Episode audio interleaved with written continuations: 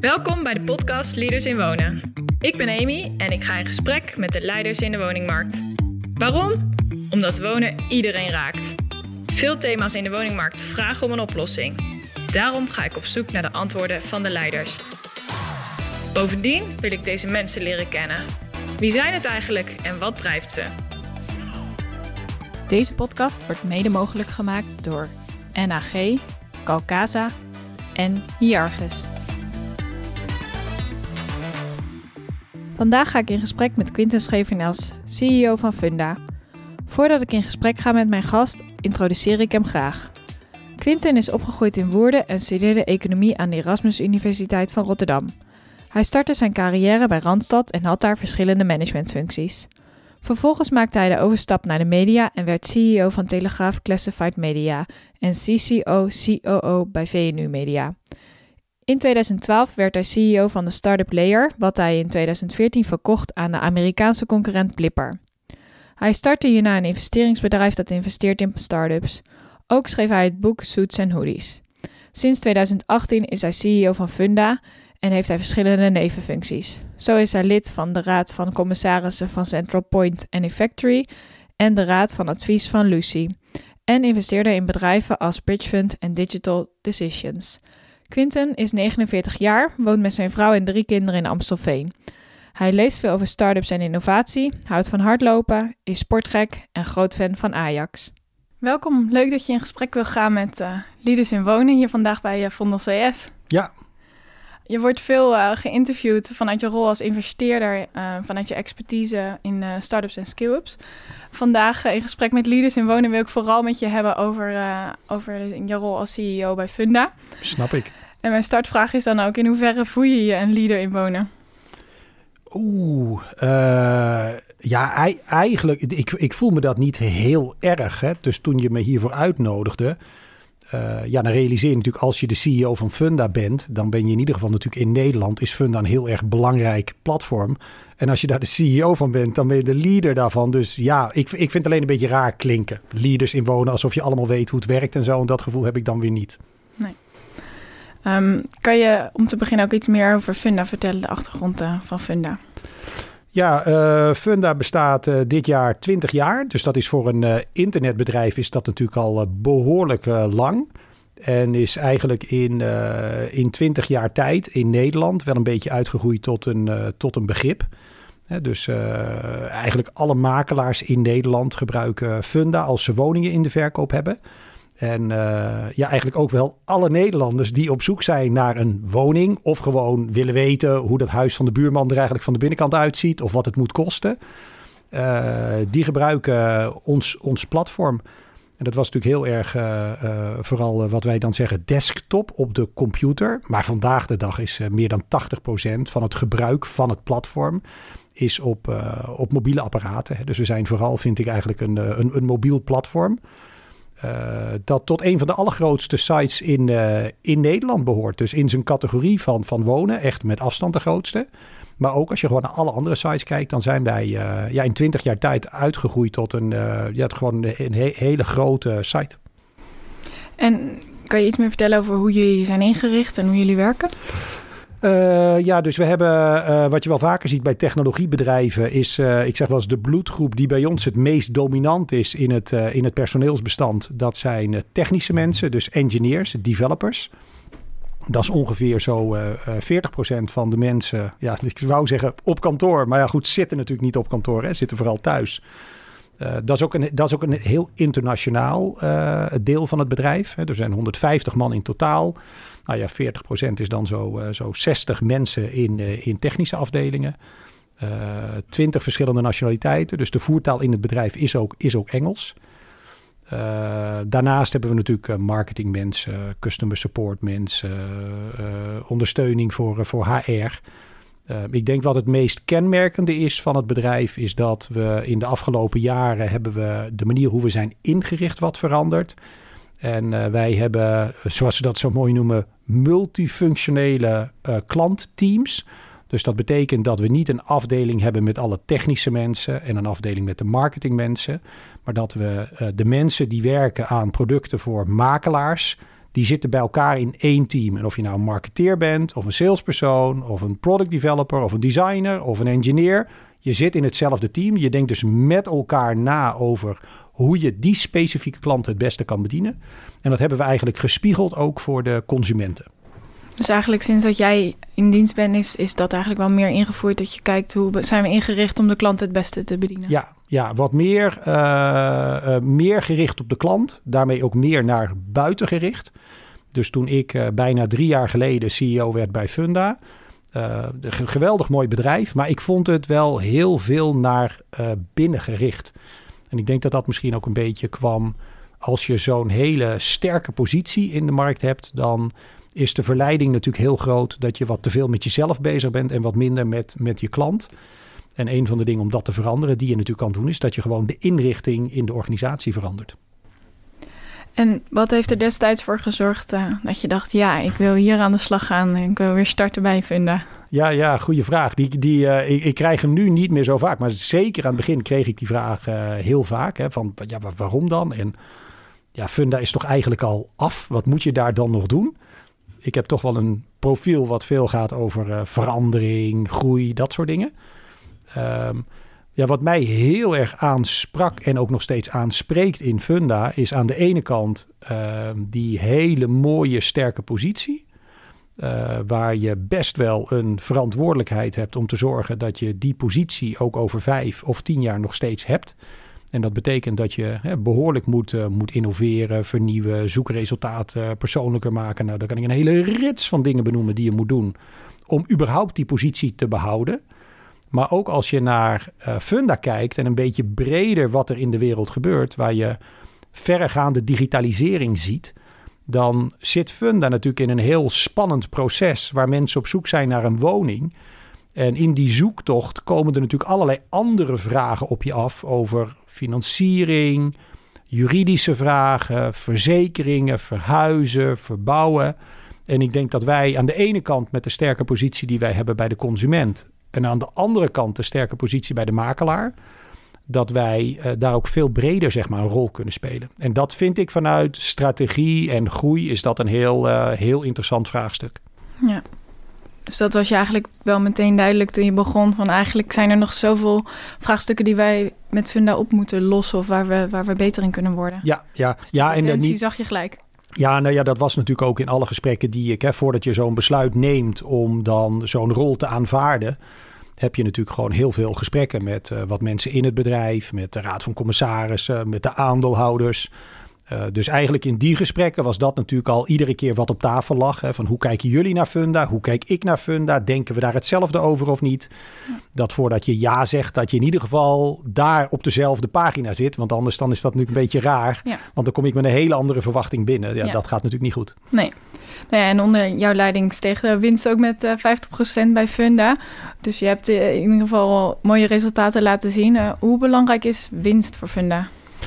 Ja, eigenlijk niet, niet zo heel erg belangrijk als ik eerlijk ben. Dus als ik ook zou kijken naar in de afgelopen jaren.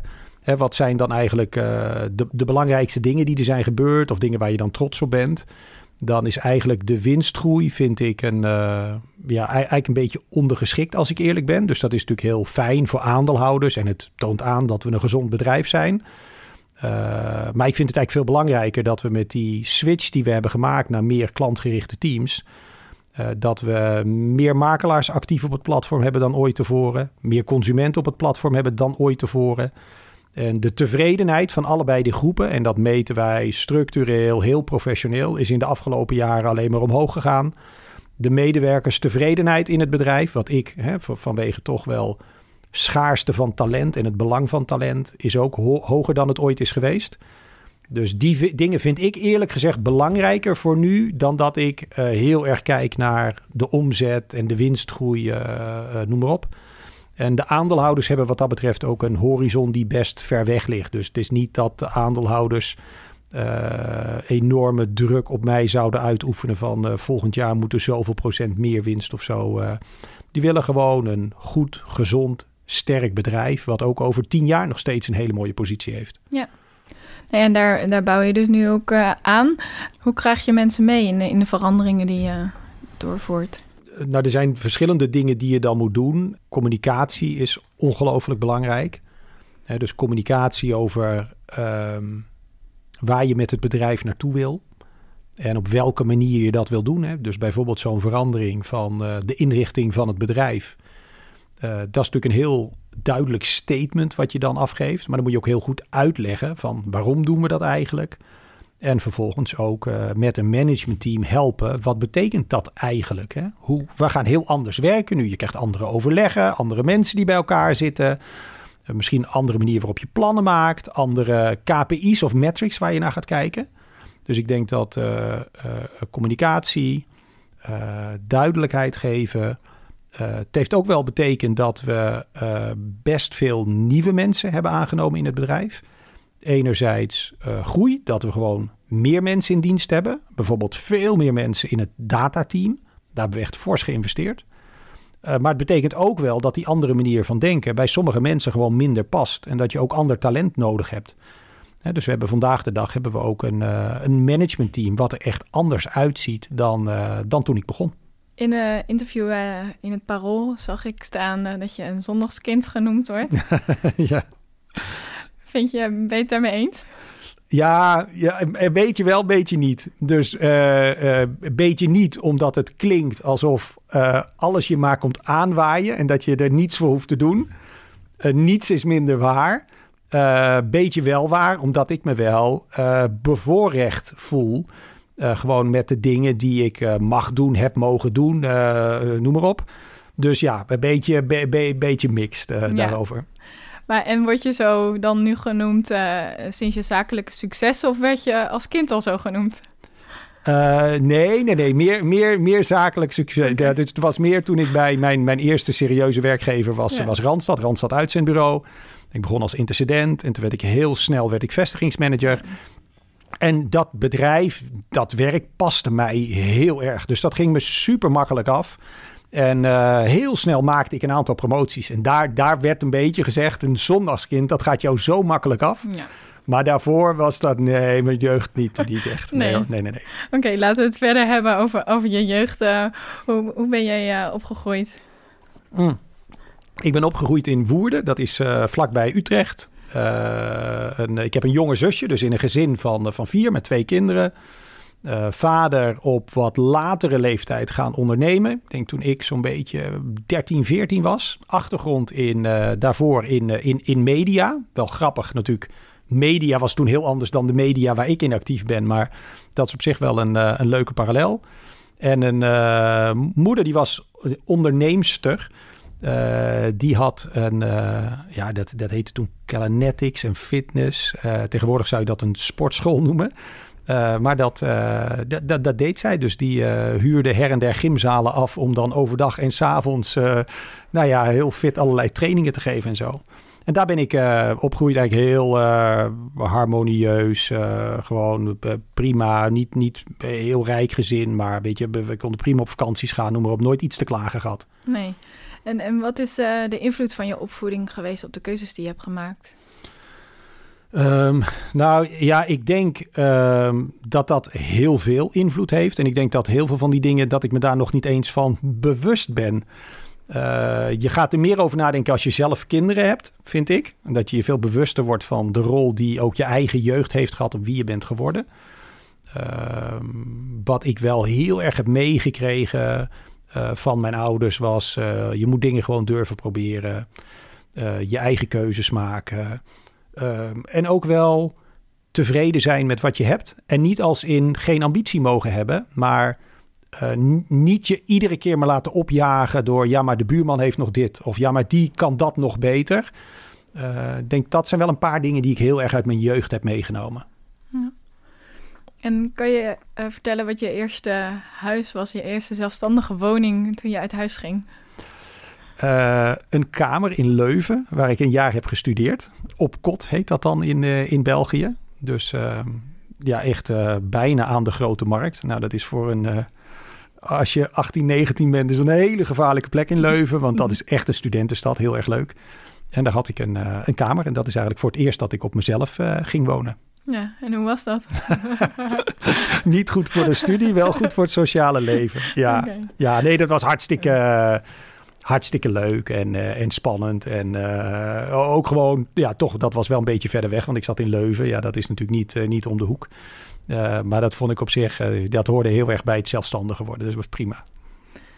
Dan gaan we overstap maken naar, naar de woningmarkten. Wat, wat is jouw visie op de Nederlandse woningmarkt? Ja, dan praat ik het, uh, denk het, het makkelijkst eigenlijk over het, uh, zoals wij dat noemen dan, hè, residential real estate. Dus particulier onroerend, uh, onroerend goed. Dat is hè, naast funda en business is dat natuurlijk toch wel het grootste deel van, van wat wij doen. Um, ja, wat, wat wij zien is dat er natuurlijk een enorme vraag naar koopwoningen is. en dat er heel weinig uh, beschikbaar is op de markt. En alles wat beschikbaar komt, is ook heel snel weer van de markt af. En met zo'n uh, druk op de markt zie je dus ook dat prijzen eigenlijk continu omhoog gaan. De rentestand is natuurlijk heel erg laag, hè, dus dat, uh, dat, dat helpt ook wel. maar normaal gesproken, als je naar zo'n markt kijkt, zeg je ja, de, de markt is absoluut niet in balans. Er is gewoon een enorm tekort aan koopwoningen. Dus er moet echt wel worden bijgebouwd. Dat gaat denk ik ook wel in het regeerakkoord komen. Want volgens mij alle partijen zijn het erover eens dat dat echt wel het geval is. En daardoor loopt die markt eigenlijk, uh, eigenlijk vast. En dat zien we ook gewoon in het uh, nieuwe aanbod dat wij iedere dag op de site krijgen. En ook hoe snel dat er weer af is. Want dat, hoe snel uh, is dat eraf? Ja, ik geloof gemiddeld in 27 dagen of zo. Dus dat is echt heel erg snel. En je hoort misschien zelf ook wel de verhalen om je heen van mensen die een woning te koop zetten. En binnen twee weken heb je 30, 40 bezichtigingen. En uh, een week later is het verkocht. En uh, steeds vaker uh, geen voorbehoud voor een bouwtechnische keuring, geen voorbehoud voor financiering. en niet meer alleen in het centrum van Amsterdam, maar inmiddels bijna in alle regio's in, in Nederland zien, zien wij ook zeg maar, statistieken van onze site. dus het is een ontzettend moeilijke markt om een woning te kunnen kopen. En een hele makkelijke markt om een woning te verkopen. Maar die disbalans is natuurlijk niet gezond uh, voor de Nederlandse woningmarkt. Je, je zei het al, um, bouwen, dat, uh, dat wordt in elk verkiezingsprogramma natuurlijk ook, uh, ook genoemd. Als jij nu zou mogen zeggen, waar moet er dan gebouwd worden? Of waar zie jij dan de meeste vraag? Nou, wat je, um, ik vind dat sowieso wel een hele lastige vraag. Hè, omdat die ook echt gaat over hoe kijk je naar de inrichting van Nederland, lange termijn en de infrastructuur die erbij hoort, noem maar op. En uh, dan ben ik zeker geen leader in wonen. Dus nee. daar, daar weet ik echt te weinig vanaf. Wat we wel zien, hè, wij hebben natuurlijk heel goed zicht op als mensen bij ons op het platform komen, hoe beginnen ze hun zoektocht? Hè? Welke filters gebruiken ze op de site? Welke filters vinden ze belangrijk? En als ze de volgende dag terugkomen, welke filters passen ze aan? Dus welke zijn zeg maar de musts, de echt belangrijke dingen? En welke dingen zijn de nice to haves? En wat wij wel zien is dat, uh, en daar speelt zeker vanuit huiswerken een rol, dat de bereidheid van mensen om wat verder weg van de grote steden te wonen neemt absoluut toe. Ik denk ook dat dat best wel een structurele verandering is. Dus dat is echt wel iets dat als die plannen gemaakt gaan worden, waar je echt rekening mee kan houden. Uh, veel meer waardering voor buiten, tuin, balkon is echt in het zoekgedrag veel belangrijker geworden extra kamer om te kunnen werken. Uh, dus ik denk dat een aantal corona-gerelateerde effecten, die zullen misschien wat minder sterk worden straks, maar die zullen wel blijven. En dat zijn dingen om ja, zeker mee te nemen als je bouwplannen gaat maken. Maar we hebben in Nederland natuurlijk op zich best wel veel ruimte. Hè. Heel veel ruimte is niet bebouwd. Uh, maar dat heeft dan vaak een andere bestemming. Dus ja, daar moet je vooral naar gaan kijken hoe wil je daarmee omgaan. Maar met het tekort dat er is, uh, ja, zal een nieuwe regering moet best wel, uh, denk ik, directief die plannen gaan maken. Want als je hier, zeg maar, alle instemming die mogelijk is in Nederland op gemeentelijk niveau en nou, noem maar op.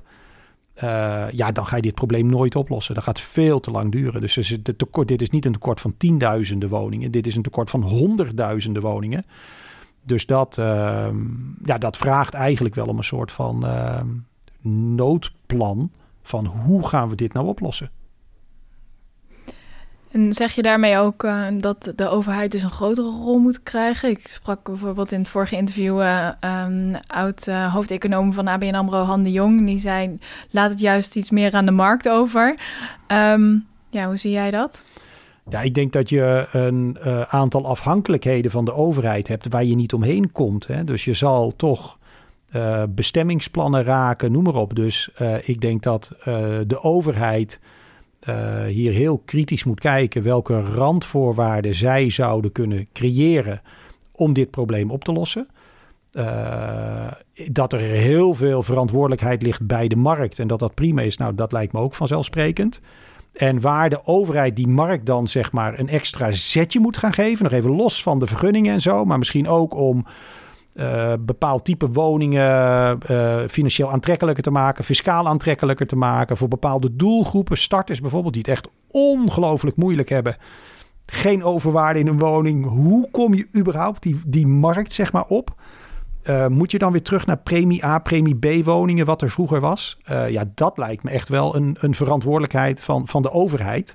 Natuurlijk in samenspraak met de markt, maar ik denk dat de markt alleen kan dit niet oplossen. Nee, dat geloof ik niet. En um, jullie hebben ook een Funda-index, uh, de barometer van de Nederlandse woningmarkt. Ja. ja. hoe staat de Nederlandse woningmarkt ervoor nou, als je daarnaar kijkt? Ja, eigenlijk, wij, wij, hebben, wij hebben natuurlijk ongelooflijk veel, veel data als gevolg eigenlijk van het gebruik dat mensen maken van het, uh, van het platform. Hè? Wat ik net zei, waar ze op klikken, hoeveelheid mensen. Uh, en uh, is eigenlijk zonde als wij die data niet beschikbaar stellen eigenlijk aan wat wij dan noemen het ecosysteem.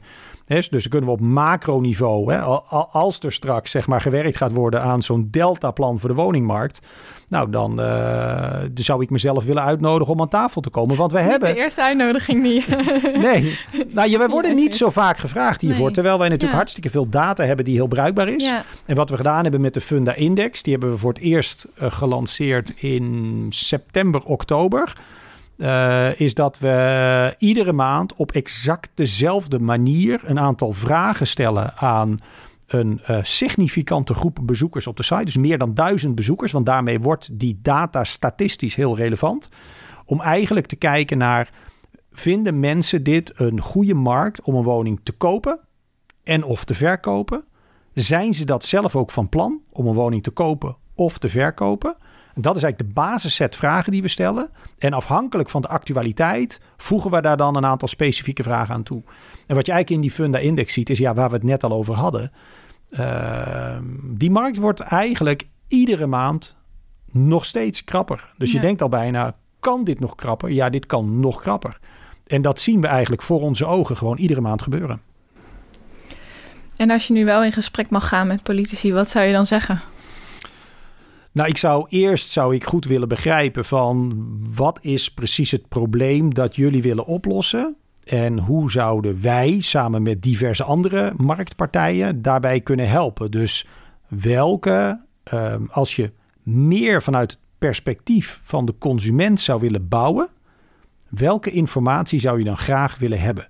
En hoe kunnen wij helpen met het bereik dat we hebben, met de data die we hebben? Om informatie te leveren, waardoor je kan zorgen dat de plannen die je maakt ook heel erg aansluiten bij het probleem dat er is en de behoeften die mensen hebben. Nou, daar kunnen wij absoluut een, eh, een rol in spelen. Ik las ook, um, wij kijken ook hoe we in de breedte kunnen groeien. We willen steeds meer informatie en diensten die gerelateerd zijn aan het uh, kopen van een woning aanbieden. Denk aan verzekeringen, notarisdiensten, aannemers en verhuisbedrijven. Ons doel is om de koper zoveel mogelijk te ontzorgen via technologie, informatie en partnerships. Um, ja, hoe gaat dat proces eruit zien? Worden jullie dan een nog grotere marktplaats? Ja, eigenlijk wel. Ja, ja je wordt dan, hè, als je um, heel erg gaat denken vanuit je klant, de consument, uh, dan ga je in gesprek, dan ga je onderzoek doen. En dan kom je er natuurlijk achter dat wat wij vandaag de dag eigenlijk doen. Hè, wij hebben een enorme database met heel veel huizen, met allemaal mooie foto's erbij, beschrijvingen, noem maar op. En wij maken die met allerlei filters, maken wij die goed doorzoekbaar. En dat is het eigenlijk. Maar daarmee is natuurlijk het probleem van de gebruiker niet opgelost. Hè. Die zit met heel veel, waar we het net een beetje over hadden, afgeleide vragen. En ik denk dat, dat, dat, dat Funda enorm kan helpen bij die afgeleide vragen. En dat zijn we gaan doen door wat wij noemen het contentplatform. Dus wij produceren heel veel content, geschreven content, maar ook videocontent. Waar we mensen eigenlijk voorlichten van: goh, als je op zoek gaat naar een woning, wat zijn dingen om op te letten? Als je een woning gaat financieren, wat zijn de verschillende manieren waarop je dat gaat doen? Als je overweegt om met een aankoopmakelaar in zee te gaan, wat is dan de toegevoegde waarde van een aankoopmakelaar? Dus om eigenlijk um, ja, meer van marktplaats, alleen maar vraag en aanbod, wat wij dan meer platform noemen, waarbij we eigenlijk kijken hoe kunnen we door die hele user journey heen de consument gaan helpen. En dat gaan we zeker niet allemaal alleen doen. En kenmerk vaak van die platformen is dat je dat heel veel doet in partnership met andere partijen. Uh, dus dat is ook veel meer het idee dat wij juist partneren met partijen die dat soort vraagstukken op een, uh, mocht zo'n mooi woord, high-tech, low-touch manier kunnen oplossen. Hè. Dus ons vertrekpunt is natuurlijk wel echt online digitaal. Maar heel veel van de grote vragen die zeg maar, op je afkomen bij de aanschaf van een woning, ja, daar heeft uh, de gemiddelde consument ook echt wel behoefte aan meer offline een dienstverlener die hem kan adviseren. Nou, dat kan een makelaar zijn, of dat kan een hypotheekadviseur zijn, dat kan van alles zijn. Mm -hmm. En hoe ver zijn jullie daarmee? Nou, het contentplatform is behoorlijk groot. Daar hebben we vorig jaar ook flink in geïnvesteerd om dat te doen. We hebben daaromheen hebben we ook uh, best wel veel meer content rond niet alleen de woning, maar ook de wijk waar de woning ligt. Dus dat je ook beter inzage krijgt in de ontwikkeling van prijzen, noem maar op. En waar we eigenlijk een beetje gepland hadden in de tweede helft van vorig jaar om dat ook concreter te maken van oké, hoe ziet dat voor de komende vijf jaar eruit en wat gaan we dan doen? Dat is eigenlijk een van de dingen die een beetje ja, naar achter is gegaan in onze agenda door corona. Uh, maar daar, daar, daar zijn we nu wel vrij druk mee. Dus de eerste helft van dit jaar dan gaan we eigenlijk de verdere vertaling maken van oké prima. Dus we hebben nou de content. Mensen weten ons steeds beter daar wordt te vinden. Wat kunnen we verder allemaal gaan doen om die consument te helpen in dat proces? Een mooie nieuwe uitdaging. Ja, ja zeker. Ja, ja, ja, ja, ja. En als we het hebben over het uh, technologie-stuk, je, je, zegt ook, wij zijn een technologiebedrijf. Ja, nieuwe technologieën zoals uh, VR, AR, uh, AI, blockchain, ik, ik, roep nu maar wat. Ja, ja, maar, ja, Zeker, zeker denk ik wel technologieën waar jullie ook naar kijken of iets mee, mee doen of mee willen. Kan je daar iets meer over vertellen? Hoe ver zijn jullie daarmee en wat, wat gaan jullie daarmee doen? Ja, de enige die je dan nog niet geroepen oh, heb je zo voice. Hè? Oh, dat is okay. natuurlijk ook zo'n zo'n term. Uh, ja, dus ik, dat is bijna raar, zeg maar, als je mijn profiel kent. Ik ben uh, een aantal jaren uh, de CEO geweest van het grootste augmented reality bedrijf op dat moment ter wereld. En dat is een aantal jaren geleden, dus toen was die technologie nog helemaal jong. Uh, we doen daar links en rechts wel wat dingen mee, maar zien onszelf niet als degene die die markt moet gaan maken. Uh, dus zeker door corona hebben we behoorlijk wat dingen uitgeprobeerd samen met makelaars als het gaat om virtueel bezichtigen van een woning, noem maar op. Wat je iedere keer merkt is dat veel van die technologie nog best wel jong is, nog niet echt goede toepassingen heeft. Uh, dat je de technologie helemaal niet zelf hoeft te bouwen. Hè. Dat kan je uiteindelijk gewoon, uh, dan nou ja, koop je een licentie bij een partij en dan heb je het. Uh, dus we zijn daar ehm, wat terughoudend om dat te doen. De enige van wat je noemt waar we wel echt serieus naar kijken, is dan artificial intelligence, algoritmes over de data die we hebben. Omdat we zien dat we op basis daarvan allerlei dataproducten kunnen maken. Maar ook dat we de hele gebruikerservaring op de website, door die data slim te gebruiken, gewoon veel relevanter kunnen maken voor individuele bezoekers.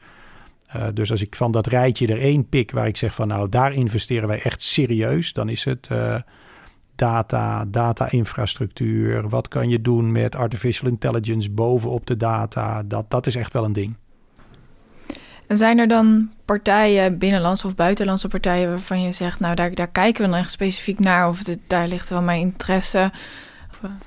Ja, dus wat, uh, wat wij heel veel doen is eigenlijk kijken naar onze uh, peers in het buitenland, zeg maar onze collega's in het buitenland.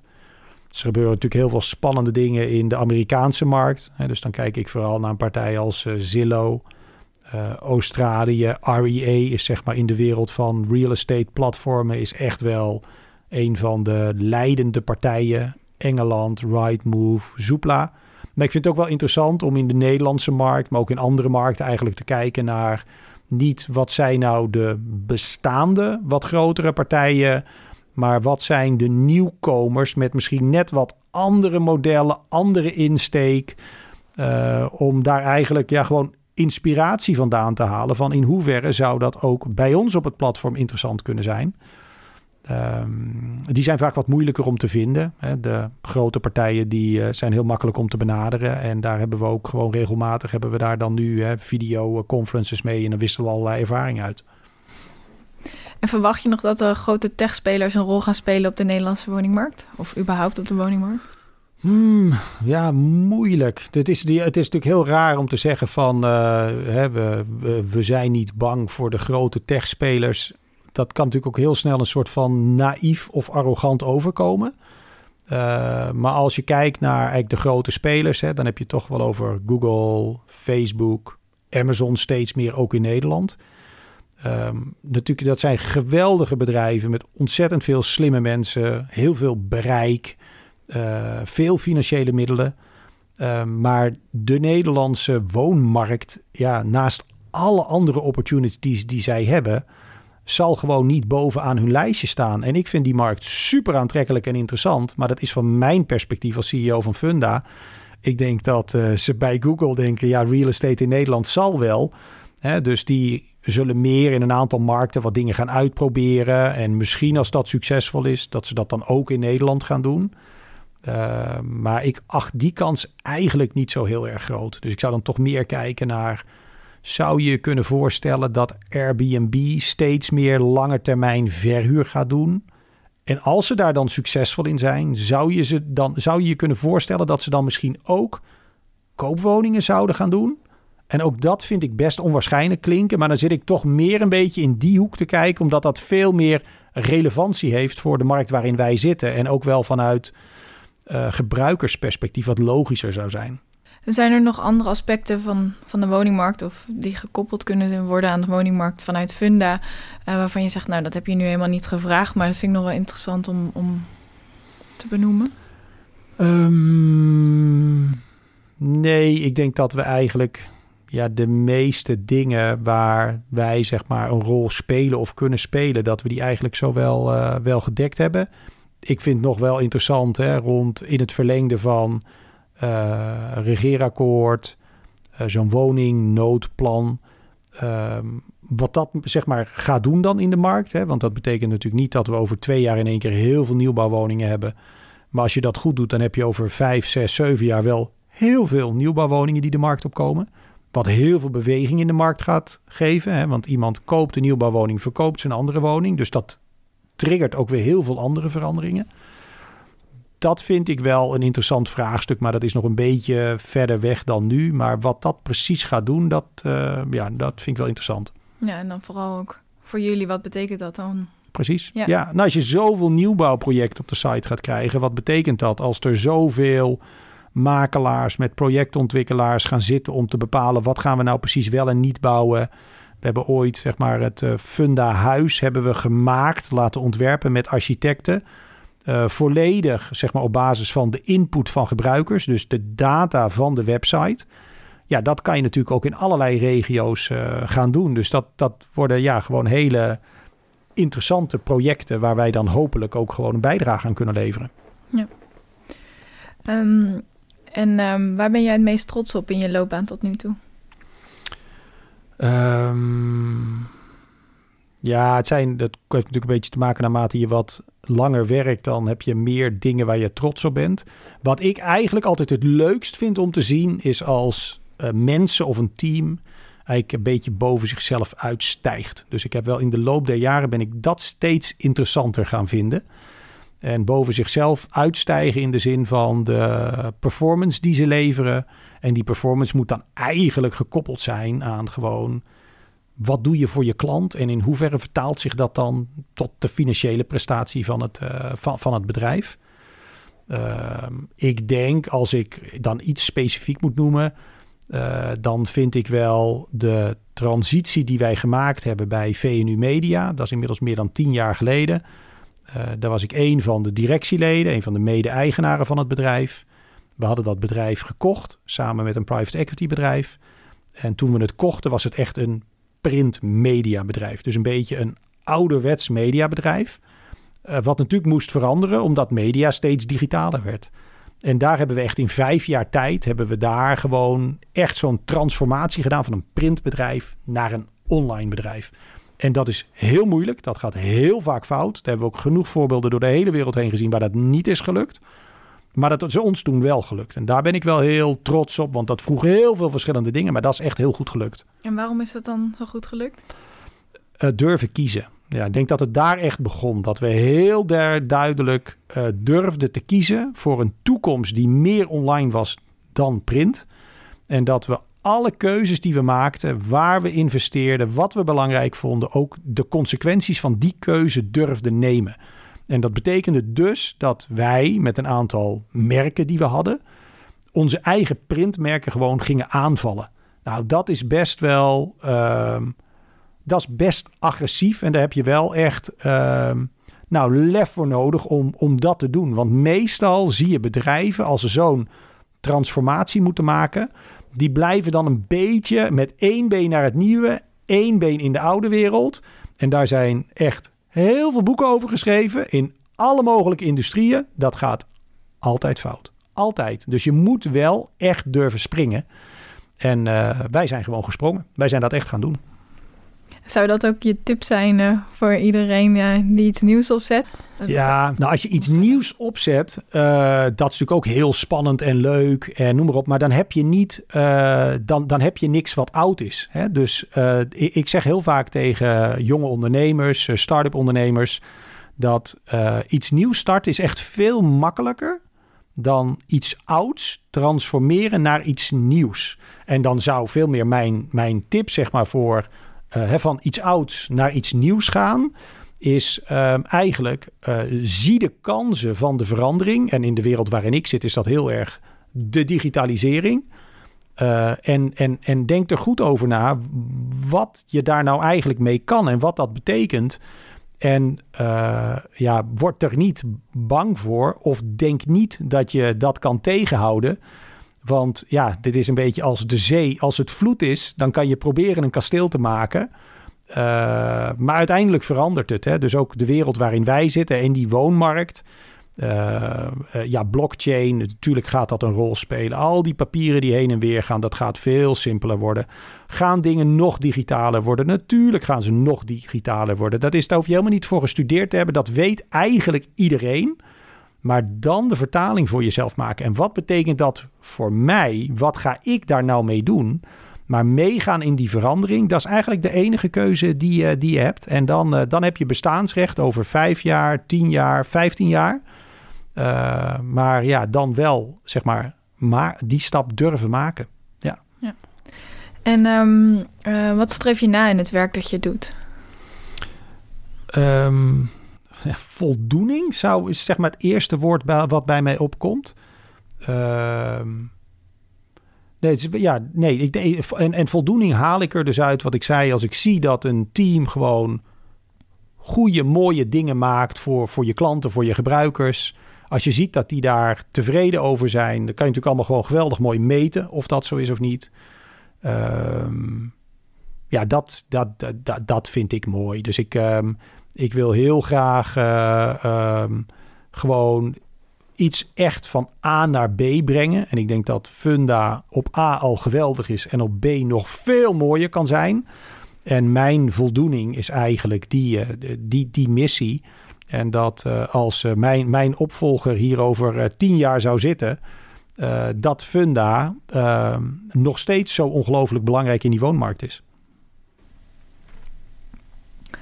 En hoe uh, organiseer je de verhouding werk-privé uh, op een manier die iedereen, voor iedereen werkt?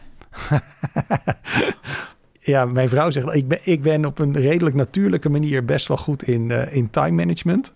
Gelukkig. Want ik heb drie, drie jonge kinderen thuis. Wat heel erg leuk is. Maar die willen natuurlijk ook wel. Hè, die zitten gelukkig nog op een leeftijd dat ze het heel leuk vinden om dingen met papa en mama te doen.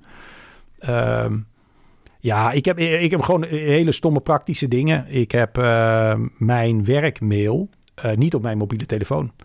Uh, dus ik kan niet in de verleiding komen als wij in het weekend op pad zijn of s'avonds. ik kan niet in de verleiding komen om een werkmail te doen, want ik kan er niet bij. En dat is heel bewust dat ik dat doe, om dan op dat moment ook echt te disconnecten van werk. Ehm, en verder, ja, het, het, loopt een beetje eh, door elkaar heen. Ik ben natuurlijk ook best vaak s'avonds aan het werk. Uh, maar ik kan heel makkelijk aan en uit switchen. Dus dat, nee, dat gaat eigenlijk... ik heb een soort ritme voor mezelf gevonden dat het eigenlijk prima gaat. Ja. En is dat altijd zo geweest? Of heb je dat wel echt moeten leren? Nee, dat moet je wel echt leren. Ja, althans in mijn geval, dat heb ik wel echt moeten leren. En ja, dan toen mijn dochter geboren werd, dat is nu 13, 14 jaar geleden uh, ja, dan heb je in één keer iets wat in je leven komt, wat zo afhankelijk is van jou. En wat je met enige regelmaat s'nacht, zeg maar, hè, waar slapen heel belangrijk is om rust te vinden. Ja, daar heb je in één keer geen invloed meer op. Uh, dus uh, ja, dat herinner ik me nog wel. En toen kwam er twee jaar later een tweede bij. En die eerste drie, vier jaar, ja, was eigenlijk alle ritme, alle vastigheid die ik had, was in één keer weg. Dus dat is wel, dat is wel zoeken geweest, ja. Je zit te lachen, het is herkenbaar. Ja. Zeker. um, Ik zag uh, dat je ook veel hardloopt. Uh, hoe blijf jij uh, fysiek en mentaal fit? ja, hardlopen is dus wel belangrijk. Drie, vier keer in de week dat ik dat, dat, ik dat doe. ik word ook heel rustig van hardlopen in mijn hoofd. Dus dat is ook heel erg lekker. Bijna soort iedere stap die ik zet, loopt mijn hoofd een beetje leeg.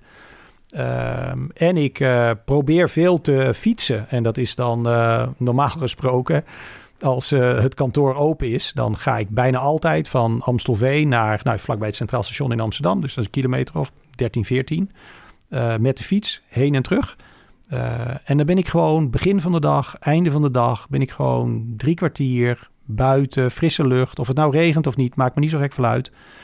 Ehm, en daardoor heb ik niet alleen een beetje fysiek beweging, maar heb ik ook gewoon, wordt mijn hoofd ook gewoon leeg. Dus dat is wel heel lekker. En als ik dan thuis kom, dan is dat hoofd, hoofd ook gewoon leeg. Dus uh, ja, een tennis. Maar, maar goed, het mag. Vroeger kon ik redelijk goed tennissen. En nu sta ik met mijn zoontje van 12 op de tennisbaan. Dat stelt nog niet zo heel veel voor, maar is wel ongelooflijk leuk om te doen. Ja. En ik zag dat je ook veel over het boeddhisme hebt gelezen. Is daar iets wat je ook aan, aan ons mee kan geven, wat je daar meegenomen hebt? Um, ja, wat ik wel, uh, een term die in het boeddhisme zeg maar belangrijk is, is eigenlijk uh, uh, mededogen. jaloezie is een term die eigenlijk helemaal niet past bij het, bij het boeddhisme. dus ik ben daar, daar zelf de afgelopen tien jaar helemaal niet meer zo heel erg actief mee. Maar ik heb wel zo'n periode gehad dat ik heel gefascineerd was door hoe werkt dat nou eigenlijk in je eigen systeem? Hoe vind je rust? Waar zit je kracht? Nou, dat soort dingen. Dat, dat, dat is ook waar boeddhisme zeg maar op mijn pad kwam. En ik vind wel uh, rust in jezelf vinden. Ook meer jezelf accepteren met de dingen waar je goed in bent. Maar misschien ook met de dingen waar je minder goed in bent. Uh, niet te veel oordelen over anderen als in goed, slecht. Maar meer toch aan de kant van gewoon überhaupt respect hebben voor anderen. Uh, dat zijn ja wel dingen die ik vooral uit dat boeddhisme heb gehaald. En waar ik mij heel prettig bij voel. Ik, ik mediteer bijvoorbeeld helemaal niet. Ik heb wel eens het idee als ik hardloop dat dat een soort mijn meditatie is. Uh, maar die dingen heb ik toen allemaal een keer op zo'n cursus allemaal gehad. Maar daar, daar had ik dan niks mee. Dus dat, dat doe ik eigenlijk helemaal niet meer. En wie is jouw leider? Uh, vrouw zou ik willen zeggen. Nee, dat is niet helemaal waar. Um, nou ja, dat, dat kan ook. Nee, ik zou bijna willen zeggen dan... ik heb meer een innerlijke leider. Dus ik ben denk ik wel, uh, ik ben wel heel streng en kritisch naar mezelf. En een eh, hele goede vriend van mij zei wel eens: Het is een beetje raar hoe jij uit jezelf kan treden. En dan jezelf gaat zitten evalueren en beoordelen en zo. Uh, dus ik denk dat ik dat vooral zelf, zelf doe. Maar we daarbij uiteraard wel laat inspireren. Uh, door gesprekken die ik heb of dingen die er gewoon gebeuren. Hè? Dus uh, gisteren hebben we dan uh, met het managementteam een meeting gehad en er gebeurden een paar dingen waar ik eigenlijk niet zo heel erg tevreden over was. dan ben ik vooral s'avonds aan het nadenken van Quinten, wat heb jij niet goed gedaan? Wat kan jij anders doen? Dus ik begin wel heel erg naar mezelf te kijken van oké, wacht even vriend, wat kan jij nou anders doen? Dus ik, ik ben wel goed denk ik in mezelf de kritische spiegel voorhouden. ja. En zijn er anderen die je geïnspireerd hebben tijdens je werk? Ja, ik heb sowieso uh, van iedere leidinggevende en bijna iedere collega die je hebt, uh, leer je natuurlijk wel, wel wat. Ik heb ook regelmatig coaches gehad, waar ik dan langere perioden met een coach werkte. Ik ben in 2019 voor een week naar London Business School geweest. Ik lees heel veel boeken. dus in, in die zin zoek ik wel heel veel, heel veel dingen, dingen op. Maar uiteindelijk vind ik, moet je toch hè, de inspiratie die je ook krijgt van anderen, je moet het uiteindelijk vertalen naar je eigen unieke systeem en waar jij je lekker bij voelt en wat bij jou goed werkt. Uh, dus uh, mijn eerste managementtraining ooit, dan ging ik in de weken daarna ging ik één op één kopiëren wat ik had geleerd op die training. Ja, volgens mij, weet je, dat, dat merkten mijn mensen denk ik heel erg goed. En ik voelde me er ook totaal niet gemakkelijk bij. Dus ja, je moet het vooral gewoon op je eigen manier allemaal proberen te doen. Uh, maar wel leren van anderen, ja. je zei tussendoor nog, uh, ik lees ook veel. Is er nog een boek uh, die je zo aan iemand zou, zou geven of zou tippen om te lezen?